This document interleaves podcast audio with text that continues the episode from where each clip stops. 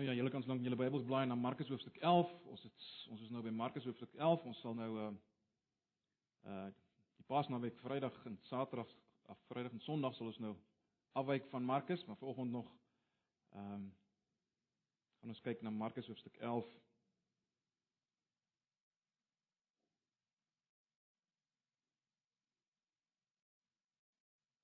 Dit is 'n baie interessante histories is hierdie gedeelte net eintlik het afgespeel kort voor die voor die Paas Paas gebeure, so dit pas eintlik amper in. Goed, julle kom ons raak net stil vir 'n oomblik. Here baie dankie dat ons weer bymekaar kan wees, ehm um, ook in hierdie vakansietyd. Baie dankie vir 'n tyd van bietjie afskaal vir, vir van ons bietjie wegkom vir sommige Here ons u weet dat ons dit ook nodig het as mense psigosomatiese wesens. En ek wil bid dat elkeen wat bietjie weg is bietjie breek dat U hulle sal wonderlik versterk na liggaam en gees om ook weer die res van die jaar doelgerig U te kan grootmaak ook in die klein dingetjies wat ons dikwels miskyk. Asseblief Here Ons wil bid in die oggend vir almal in ons midde wat siek is, met wie dit nie goed gaan nie. Ons dankie wel vir verbeteringe. Ons dink aan hom Manfred met wie dit baie beter gaan. Ons eer U dat U hom so deurgedra het deur 'n baie baie groot operasie. Ons dankie daarvoor. Ons bid steeds vir Koos Hatting en uh, sy kankerbehandeling dat U vir hom sal sterk maak in die midde daarvan. Ons bid vir Rita Janus van Rensburg wie dit ook nie goed gaan nie. Kronies sleg gaan, ag Here dat U ook vir haar in hierdie tyd sal versterk en sal bemoedig. Genade sal gee om werklik U te sien in alles. En al die ander Here waarvan ons nie eens bewus is nie, ek dink ook aan hom Eddie Jonker baie swak is. Ons dra hom aan U op, Here. Baie dankie dat ons hierdie mense maar net aan U kan opdra, U die groot geneesheer, U die een met alle simpatie en empatie omdat u juis lyding ken, swaarkry ken, wanskynlike godverlatendheid ken. Daarom kan ons na u toe kom met vrymoedigheid. En ons dank u daarvoor. Ook in hierdie oggend. Ons kom gee hulle vir u en nou kom gee ons maar net hierdie diens vir u. En vra dat u met ons sal praat en sal werk. Deur die woord en deur die werking van die Gees, asseblief.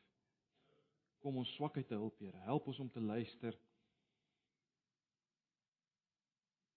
Ons wat so bekend is dikwels met u woord asseblief. Ons vra dit in Jesus se naam. Amen.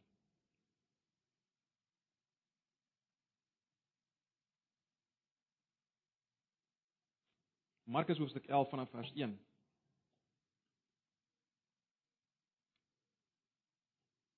Ons gaan na eerste 22 versies lees.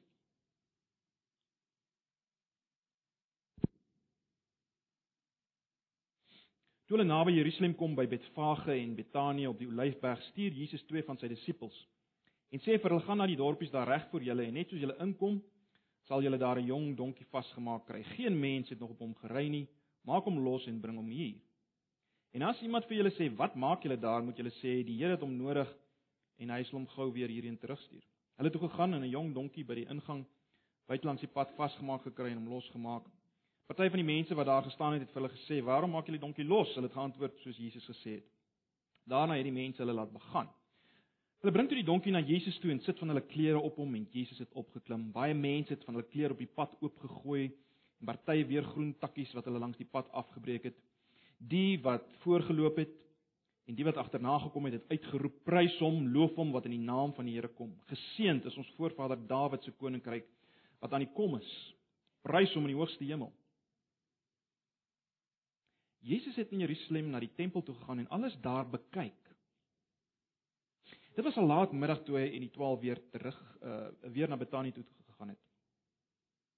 Toe hulle die volgende dag van Betanië af terugkom het Jesus honger gekry. Hy sien toe op 'n afstand 'n vyeboom met blare aan en gaan daarin om te kyk of hy nie miskien 'n vy daarin kry nie. Toe hy daar kom kry hy niks nie, net blare want dit was nie vye tyd nie.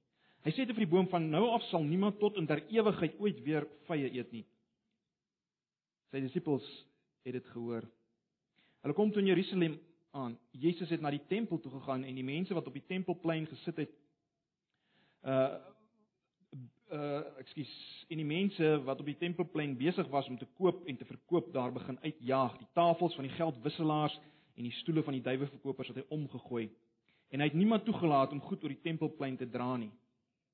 Toe hy die mense geleer en gesê: "Staan daar nie geskrywe: My huis sal 'n huis van gebed vir al die nasies wees nie, maar julle het dit 'n rowersnes gemaak." Die priesterhoofde en die skrifgeleerdes het dit gehoor en na 'n plan gesoek om hom om die lewe te bring, want hulle was bang vir hom omdat al die mense deur sy leer aangegryp is. Toe dit aand geword het, Jesus en sy disippels uit die stad uit weggegaan. Toe hulle die volgende môre vroeg by die vyeboom verbygaan, sien hulle dat hy tot in sy wortels verdroog is. Gedagtig aan wat Jesus gesê het, sê Petrus vir hom: "Rabbi, kyk, die vyeboom wat u vervloek het, is verdroog." Jesus sê te vir hulle: "Julle moet geloof in God hê." Ek lees net so ver.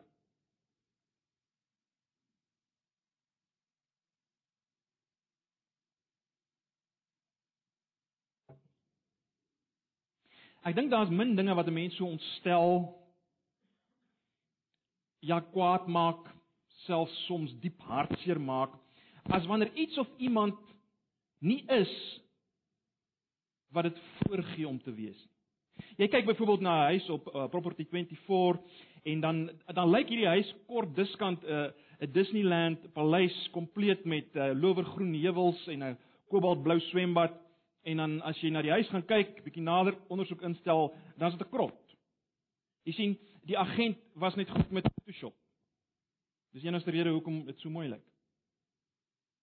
Daar's natuurlik ander gevalle van dieselfde soort verskynsel wat baie erger gevolge het, meer dramatiese gevolge het of fatale gevolge het en groter ontnugtering en woede veroorsaak. Goed, ek sê vir julle 'n situasie waar jy byvoorbeeld 'n bevelvoerder het in 'n oorlogssituasie wat agterkom dat sy manskappe nie regtig soos hy voel oor 'n sekere operasie nie. Uh uh hulle praat saam, uh sê net wat hy wil hoor, maar in die oomblik van waarheid wel uh, onttrek hulle en uh draai om. Dis 'n tragiese situasie wat nog dieper woede, teleurstelling en uh, tragiese gevolge kan hê. Probeer jou ook voorstel hoe 'n goeie, regverdige, effektiewe koning uh, kom ons sê in die namiddeleeuse tyd. Uh hoe so 'n koning moes voel as hy agterkom dat sy onderdane wat wat terloops elke dag voor hom buig en uh respekvol hom groet. As hy agterkom, hulle is eintlik besig met 'n komplot teen hom. Hulle is besig om te rebelleer. Hulle wil sy regering omvergooi. Dink 'n bietjie hoe sal hy voel? Hulle is besig om sy dood te beplan. Maar miskien is dit alles nog steeds vir vir jou wat hier sit bietjie ver en onwerklik. Wel, hoe voel jy? Of hoe het jy gevoel toe iemand wat wat naby aan jou was, uh wat elke dag vir jou sê hoe hy of sy jou waardeer, liefhet en so en so meer. Hoe voel jy of het jy gevoel as jy agterkom so 'n persoon dra eintlik net 'n masker? Dis eintlik net voorgee.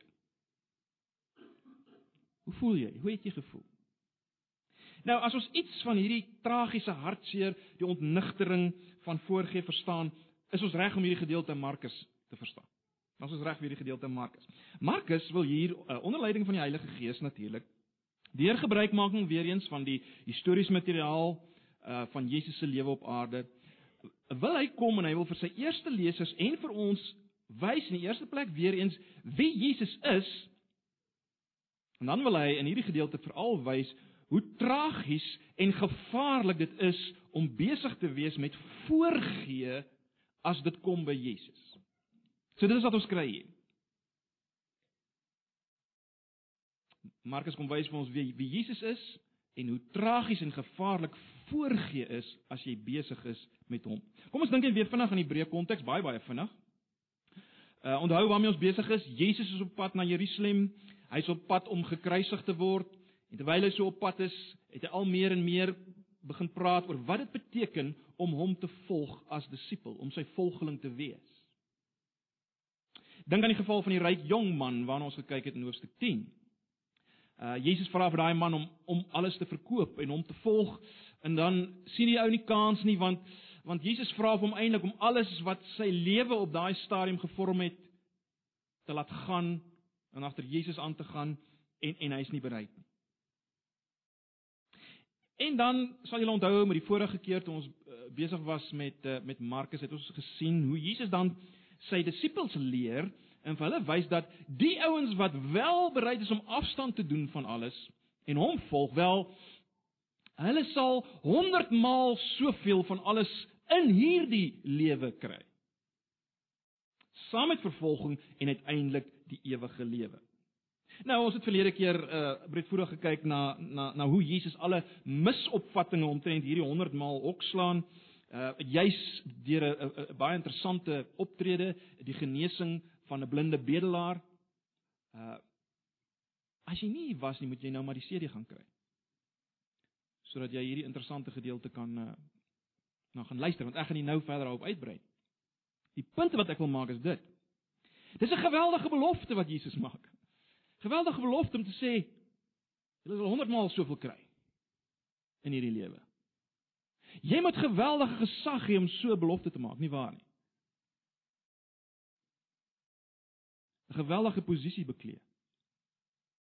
Ongekende mag moet tot jou beskikking wees. En dis presies hoekom hoofstuk 11 begin soos hoofstuk 11 begin. Dis hoekom hoofstuk 11 begin soos hoofstuk 11 begin, want ons het nou geëindig met daai geweldige belofte. En nou kom ons by hoofstuk 11. En wat Markus wil hê ons moet sien in hoofstuk 11 vers 1 tot 11 is dat Jesus is inderdaad 'n koning. Jesus is inderdaad 'n koning. Nou ek weet vir ons is dit nie so maklik om 'n koning vir onsself in te dink nie, ons is nie gewoond daaraan nie. Uh maar kom ons probeer iets daarvan raak sien. Uh onthou Jesus het nou al baie na homself verwys as die sogenaamde seun van die mens. Hy doen dit weer in Markus 10 vers 45, daai belangrike versie waarna ons verlede keer ook gekyk het. In Markus 10 vers 45 het hy gegee, ag het hy gesê dat hy as die seun van die mens het nie gekom uh om te uh, om gedien te word nie, maar om te dien en sy lewe te gee as losprys vir baie. Maar baie belangrik, wie is hy? Hy is die seun van die mens sê. En ons het nou al baie van mekaar gesê, maar uh, uh, ons moet onsself op hierdie punt weer daaraan herinner. Hierdie figuur, die seun van die mens, kom uit Daniël 7 uit. En mens sien dit daar in vers 13 en 14 van Daniël 7 en uh, ongelukkig in die 83 vertaling het die vertaling uh, dit so gestel dat mense nie onmiddellik kan sien daar word gepraat van die seun van die mens nie. Ek dink daar word net gepraat van 'n 'n menslike wese wat Daniël sien, maar die letterlike vertaling praat van die seun van die mens. Ek gaan dit sommer vir julle lees en dan luister julle wat word daar gesê van hierdie seun van die mens. Daniël 7 vers 13. Ek het gesien in die naggesigte en kyk, met die wolke van die hemel het een gekom soos die seun van 'n mens. En hy het gekom tot by die oue van dae en hulle het hom nader gebring vir hom. En aan hom, dis hierdie seun van die mens, is gegee heerskappy en eer en koningskap en al die volke en nasies en tale het hom vereer. Sy heerskappy is 'n ewige heerskappy wat nie sal vergaan nie en sy koninkryk een wat nie vernietig sal word Nou, wat Jesus kom wys nou hier in hierdie historiese gebeure as hy op die donkie uh, binne ry uh, is dit hy kom wys hy is hierdie koning. hy is die seun van die mens, hy is die koning van alle konings. Hy kan met ander woorde doen wat hy nou net gesê het. Hoor ons dit? Met ander woorde, hy wil nie net vir jou 100 maal gee nie. Hy kan vir jou 100 maal gee meer as wat dit is dit wat jy prys gegee het in jou navolg van hom. Hy kan dit doen. Hy's hierdie seun van die mens koning. Alle mag het, alle mag. So, dis waarmee hoofstuk 11 begin. Wat Markus ook wil hê ons moet raak sien is dat hierdie skare het hom as sulks besing. Hierdie skare het hom as koning besing. sien julle? Maar soos dikwels in Markus is hier ook weer 'n angel in hierdie gedeelte en ons gaan nou die angel raak sien. Maar kom ons dink net so vir 'n oomblik oor oor wat ons hier sien in die gedeelte. Ag julle ken dit van kleins af. die mense wat die takkies afbreek en uh, voor voor Jesus gooi, Jesus wat op die donkie ry. Miskien moet ons net vir 'n oomblik iets sê oor die donkie. Dit kan natuurlik wees dat Jesus as gevolg van sy godheid. Uh kan wees dat hy geweet het op 'n bonatuurlike manier dat daar 'n donkie gaan wees, of dit kan bloot wees dat hy dit so beplan het tydens die vorige besoek uh 'n paar maande van tevore in hierdie gebied. Met ander woorde, hy kon geweet het dat hy op die Sondag voor die Paasfees homself as koning sou verklaar. Uh mense hoef regtig nie daaroor te debatteer nie. Hoe dit ook al sê, ek dink wat ons vir mekaar kan sê is dit Jesus het hierdie gebeure baie versigtig georkestreer uh of deur wonder of deur voorbereiding, maar hy het dit georkestreer. Baie versigtig. Die belangriker vraag om te vra is natuurlik dit: Waarom? Waarom het Jesus Jerusalem op hierdie wyse binnegekom? En die antwoord is en ek glo julle weet dit. Die antwoord is natuurlik hy kom vervul so sekere beloftes van die Ou Testament. Met ander woorde hy kom hy kom maak dit waar. Uh, hy kom vul dit in beloftes oor die koms van die koning, die Messias, die gesalfde een, die een uit die nageslag van Dawid. Hoe weet ons hoe weet ons dit? Wel luister net byvoorbeeld na Sagaria 9 vers 9. Jy kan op daai een blaai of jy kan maar net luister Sagaria 9 vers 9.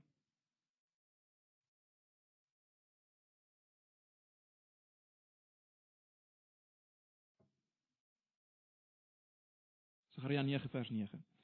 Jubel Sion, juig Jerusalem, jou koning sal na jou toe kom.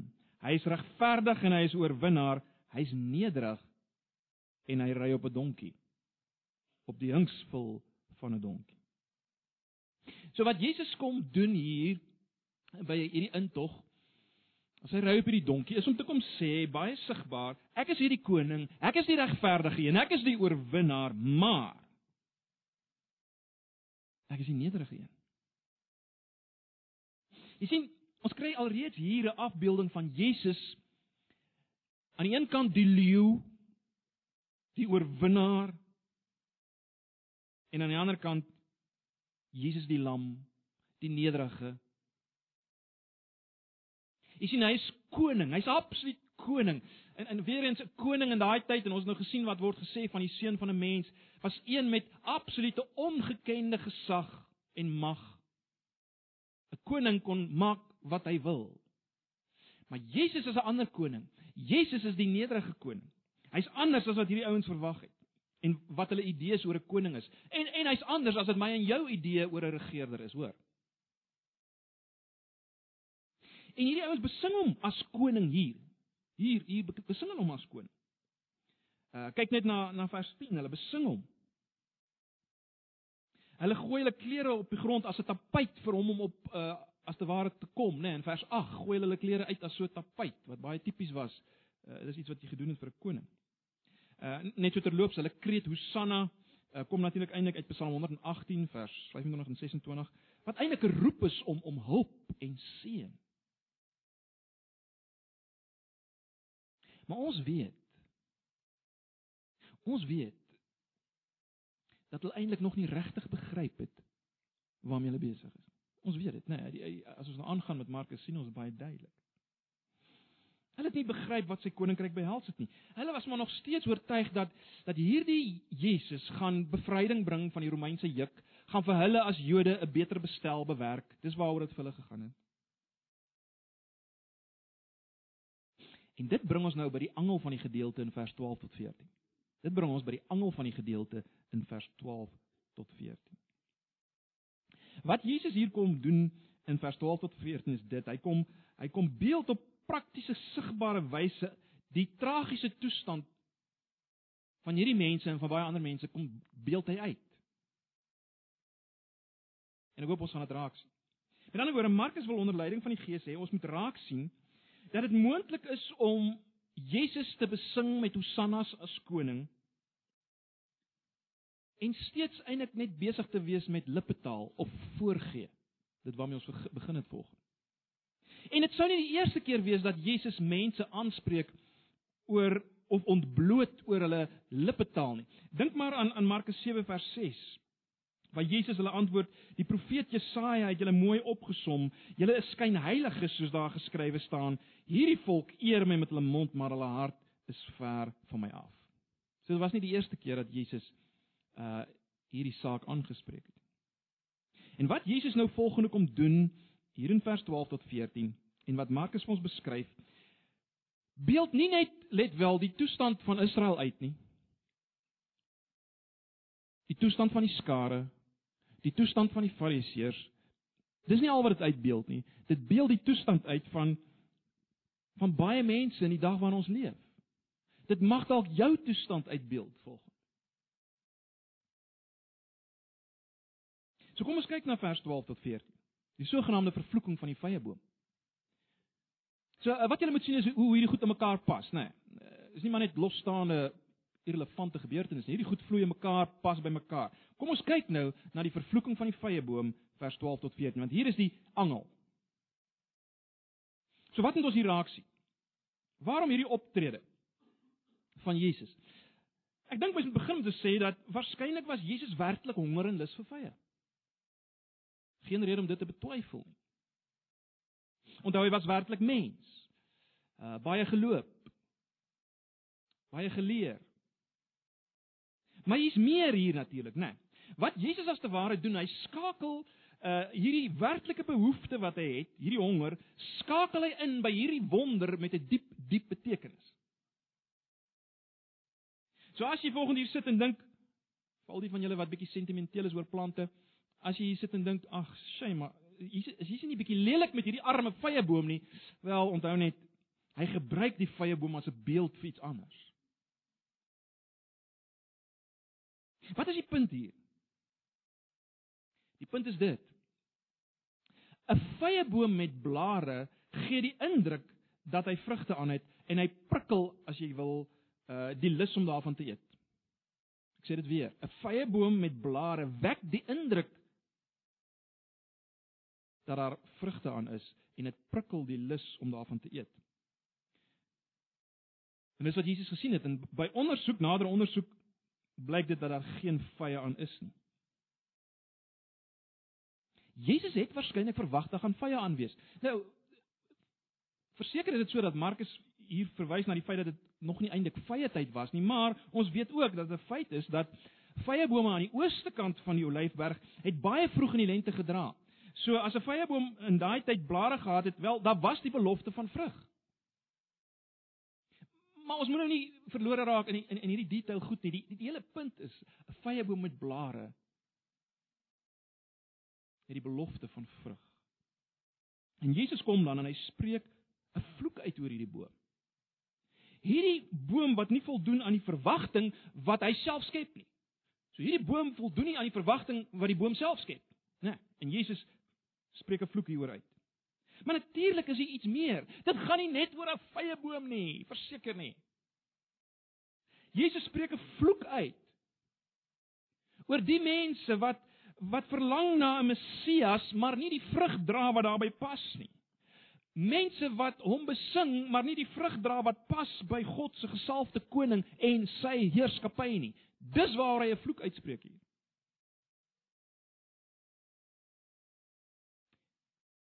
Maar waaroor presies? As mens dit nou moet gaan ontleed, as mens uh, moet dieper ingaan daarop, waaroor presies spreek Jesus se vloek uit?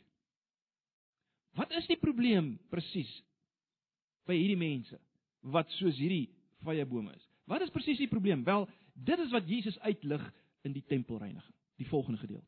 Alraai. Dis wat Jesus uitlig in die tempelreiniging. Dis wat dit verduidelik word. Net voor ons kyk na die tempelreiniging, let tog op na vers 11. Dis 'n baie interessante versie daar in die gedeelte wat ons gelees het. Uh in vers 11 sien ons dat uh Jesus het in Jerusalem na die tempel toe gegaan en alles daar bekyk. Dit was al laat middag toe hy in die 12 weer na Betanië toe gegaan het. So Jesus het het hier rond gekyk en en en dit lyk vir my dat Jesus weer eens baie doelbewus hier aan die werk is, né? Nee, baie doelbewus aan die werk. En mense moet raak sien as jy besig is met maak. Hy het met ander woorde baie mooi gekyk na wat daar in die tempel aangaan voor hy die vyeboom vervloek het. En nou gaan hy na die tempel. Hy gaan as te ware nou na die tempel om die hele punt van die vervloeking van die vyeboom te verduidelik. Dis waarom hy na die tempel gaan. Right. Dit bring ons by vers 15 tot 19. Hierdie gedeeltjie oor die tempelreiniging.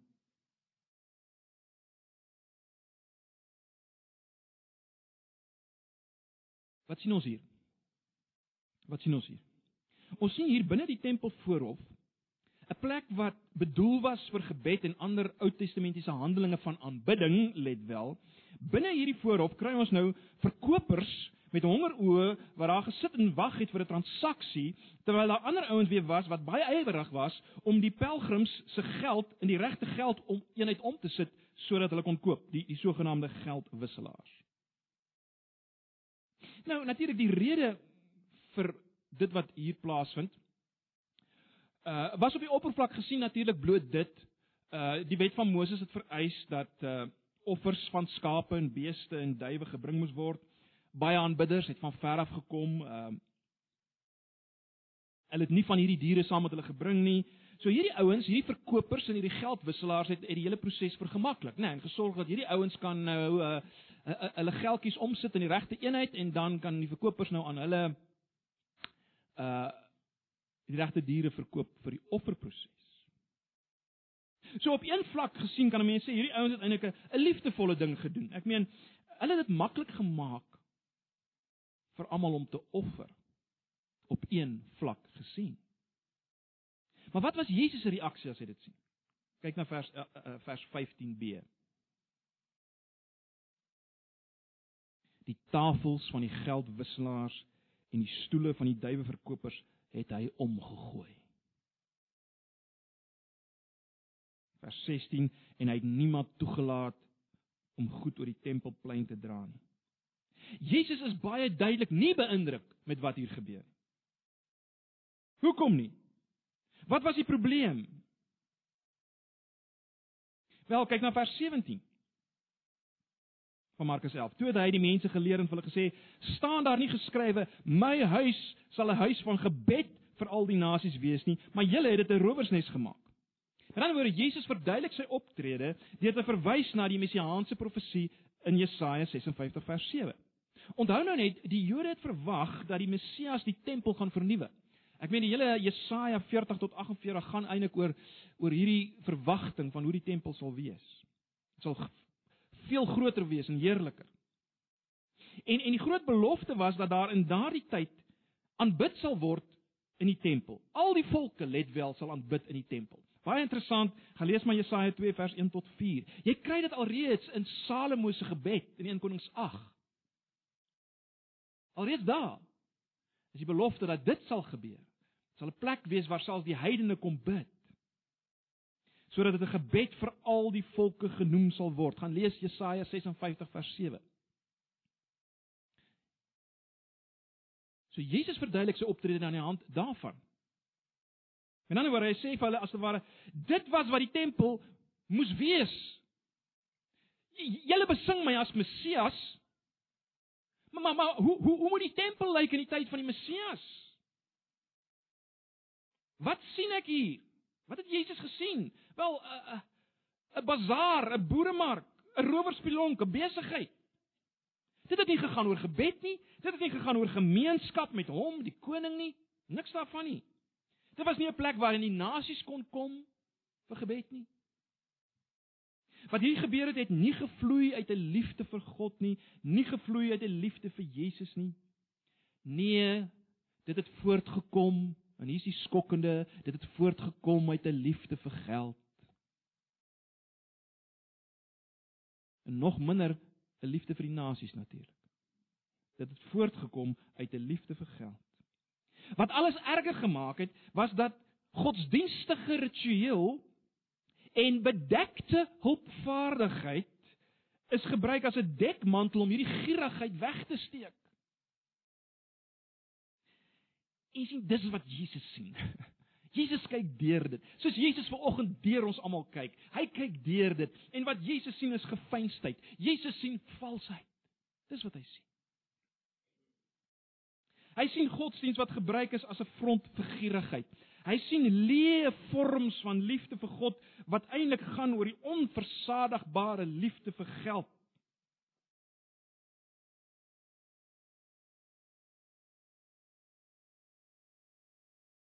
Mens kan amper sê die leefvorms van liefde vir God is gepleister oor die onversadigbare liefde vir geld. Dis net oorgepleister.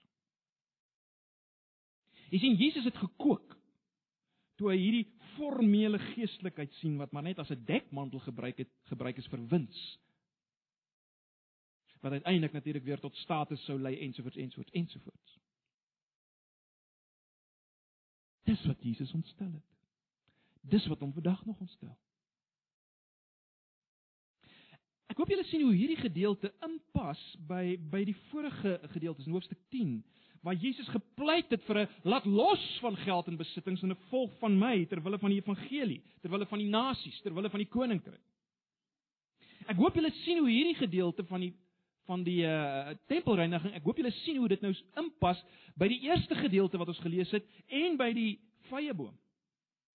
Dink vir 'n oomblik daaraan. Dink vir 'n oomblik aan. Die skare wat Hosanna sing vir die koning lyk asof hulle hom eer. Dit skep die verwagting dat hulle hom gaan aanhou eer en aanbid. Sy wil gaan doen, né? Nee, dit skep die indruk, die skare wat hierdie Hosanna sing.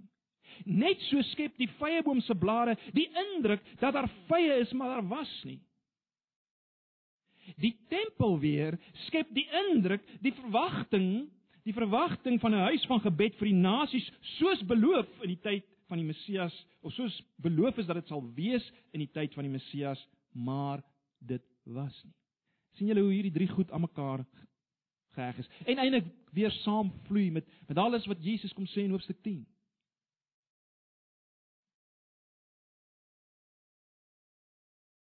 Baie belangrik in vers 18 sien ons dat die skrifgeleerdes en die owerpriesters het gehoor wat Jesus sê en toe besluit hulle om hom dood te maak.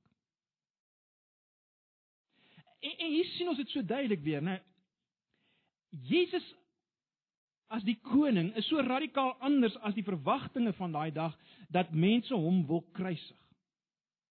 Maar weer eens, ek dink daar's meer wat Markus wil hê ons moet sien onder leiding van die Gees. Ek dink nie ons moet die implikasies van dit alles mis nie.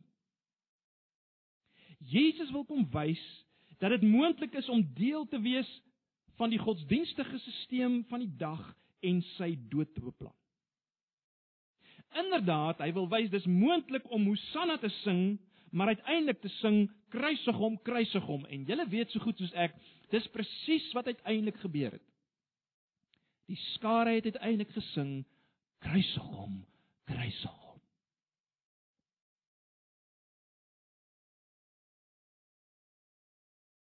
Ja ja, natuurlik. Hier, hier het die skare nog nie sy dood beplan nie. Die owerpriesters wel. Hulle het regtig gesing Hosanna. Maar maar maar ons moet nie die angel, ons moet nie die angel van die gedeelte mis nie. Die angel wat Markus wil hê ons moet raak sien mis nie. Wat hy wil hê ons moet sien is dit: jy kan Hosanna sing. Jy kan 'n skrifgeleerde wees. Maar as dit voorgee is, as dit blare sonder vye is, dan hou jy ten diepste nie van Jesus se boodskap nie. Dis wat hy wil hê ons moet sien. Die verhaal vat ons baie vinnig terug na vers 20, terug na die vrye boom. As hulle die volgende oggend weer by die vrye boom kom, wat sien hulle wel? Hulle sien dat die vrye boom inderdaad verdroog is vanaf sy wortels. Jy sien wat ons en Markus se eerste lesers moet raak sien is dit. Jesus het hierdie hele stelsel, as jy wil, hierdie hele stelsel van selfgerigte, gierige godsdiens van voorgee en ritueel wat nie draai om Jesus en liefde vir hom en aanbidding van die nasies uh, of aanbidding van hom deur al die nasies nie. Jesus kom vervloek dit hier. Jesus kom vervloek dit sodat dit nooit nooit sal vrug dra nie. Hierdie tipe godsdiens sal nooit vrug dra nie. Die vrug wat God verwag nie.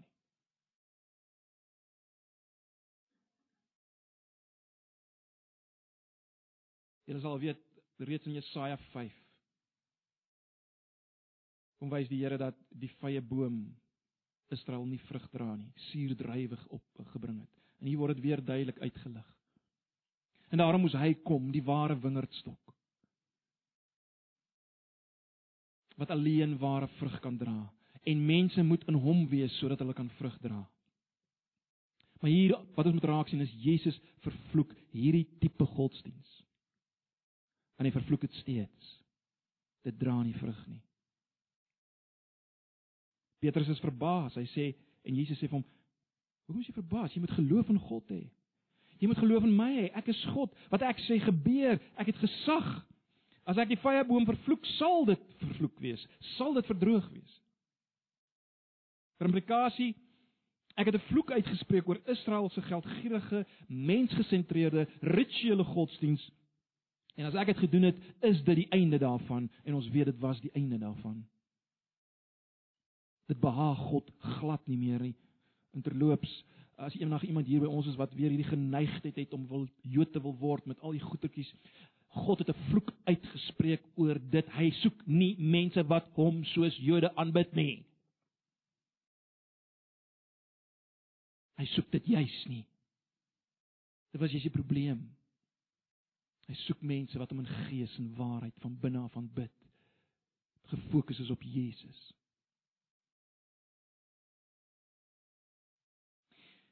Ek gaan nie nou praat oor vers 22 tot 26 nie. Uh waar die gesprek bietjie op 'n gemaklike wyse oorgaan na na gebed en die gesag van gebed. Ek wil hê ons moet nou maar net 'n paar punte van toepassing maak. Wat moet ons raak sien? Wat moet ons mekaar sê na die gedeelte? Wel, eerstens sekerlik weer, ons moet Jesus raak sien as koning. Die regverdige koning. Aan die ander word die persoon met alle gesag, alle mag, maar hy's regverdig en ek en jy moet dit weet, hy's regverdig. Hy's oorwinnaar. In 'n ander woorde, hy het alle mag om alles wat in sy pad staan te vernietig en te verpletter. Hy het die mag, hy het die reg om vir my en jou te verpletter en te vernietig. Maar Hy's nederig. Soos gesimboliseer deur sy ry op die donkie. En dit beteken hy het nie gekom om met sy geweld en mag te vernietig en te verpletter nie. Hy het gekom om self verdelg te word. Markus 10 vers 45. Hy het gekom om sy lewe te gee as 'n losprys. Hy het, hy het nie gekom om gedien te word nie, maar om te dien, om homself te gee. Dit gooi ons hele persepsie van 'n heerser om. Dis wat Jesus kom doen het. Dis ons koning. En dit maak hom, ek het dit al baie gesê, so absoluut aanbiddingswaardig. Want hy doen dit alles uit liefde uit. Hy doen dit uit liefde uit. En dis waar ons 'n behoefte het, is dit nie? Ons het 'n behoefte om om om om dinge te aanbid. Ons het 'n behoefte aan die een kant om mag en krag te aanbid. Maar aan die ander kant sagtheid, liefde, skoonheid. Ons het 'n behoefte om dit te aanbid. En in Jesus is dit gekombineer. Ag, die meeste van die dinge wat ons in hierdie lewe aanbid en wat mense rondom ons aanbid, is juis in 'n poging omdat hulle voel hierdie ding kan dit bied. Hoekom aanbid mense filmsterre en sportsterre? En musieksterre? En groot predikers en bands, noem maar op. Hulle soek hierdie heerskappy, regverdige mag, krag, maar hulle soek ook sagtheid, skoonheid, liefde. Hulle soek dit in al hierdie dinge. En natuurlik stel dit te leer. Jesus is alles wat ons soek en is hierdie Jesus wat ons in hierdie lewe 100 maal meer kan gee van alles wat ons prys gee in die navolg van hom. Kom ons vat dit vanoggend weer. Die groot vraag vanoggend is natuurlik dit: Is jy nog besig met voorgee? En ek moet dit vir myself vra. Is ek nog besig? Is ons nog besig om 'n speletjie met hom te speel? vir eie gewin op een of ander manier. Dalk is dit nie so duidelik in ons geval uh gerig op gierigheid en geld nie, maar uh, dis gerig op myself om myself te bevoordeel. Ek dink ons regtig hy weet dit nie. As, jy hier staan en sing in die oggende en jou jou gedagtes is by jou prestasies van die week wat jy nog gaan bereik in hierdie week, maar jy staan hier en sing en jou lippe gaan op oop en toe. Waarmee dink jy as jy besig? Dink jy hy aanvaar dit? Dis alright vir hom as hy werklik koning is?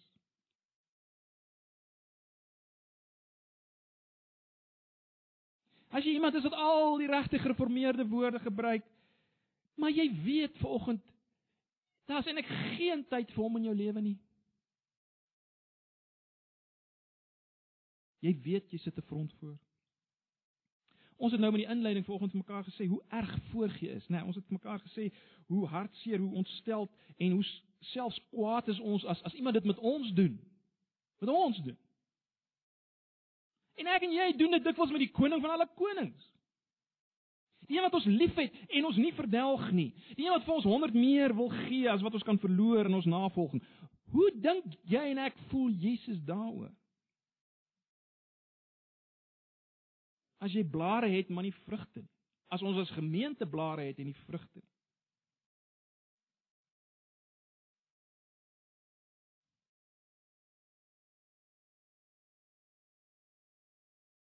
En ons weet ten minste vanoggend, dit sal God nooit behaag nie. Dit sal Jesus nooit behaag nie.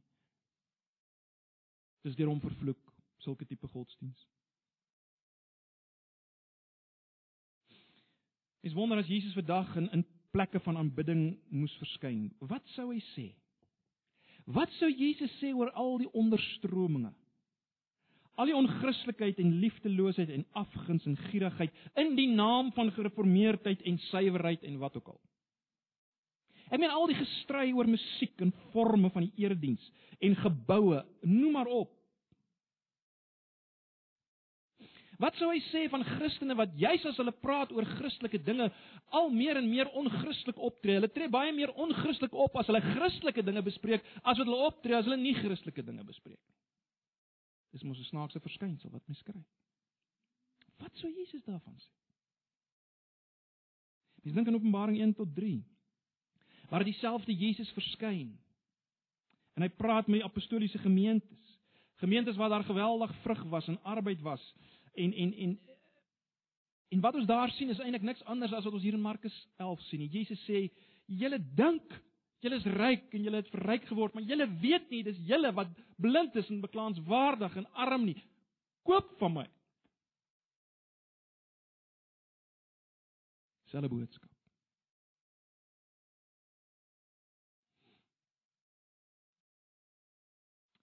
Ag broers en susters, kom ons sien vanoggend weer dat Jesus is die perfekte koning. Hy is die een wat ons soek. Hy is aanbiddingswaardig. Hy bring realiteit. Hy bring ware verzoening sonder rituele en voorgee. Ons kan na hom toe kom, almal van ons oud en jonk, groot en klein kan na hom toe kom sonder rituele. Die vraag is gaan ons kom. Kom ons na hom. Hy wil vir ons meer gee as wat ons ooit kan dink. Die, die vraag is gaan ons dit doen of gaan ons hom verwerp soos die owerpriesters in die skrifgeleerders? Gaan ons voortgaan met vormaanbidding, met rituele? Maak nie saak wat se ritueel dit is. Gaan ons dit doen sonder kontak met God en Jesus? Sonder kontak met God en Jesus sonder kontak met die Heilige Gees.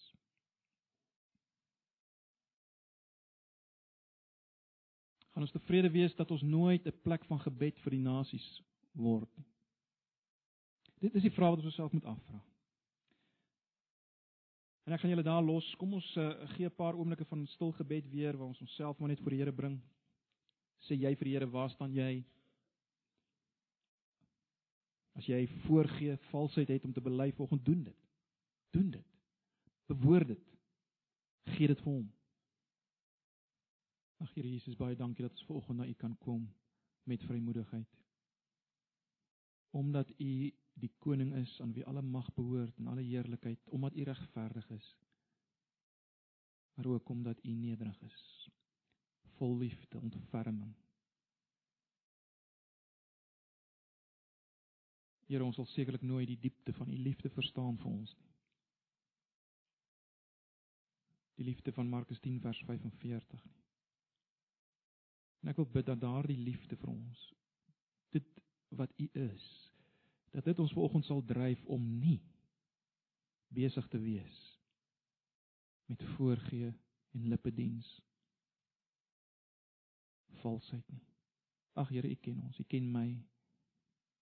U ken die geneigthede van ons harte. Vergewe ons, reinig ons rig ons op. Ons vra dit in Jesus se naam. Amen.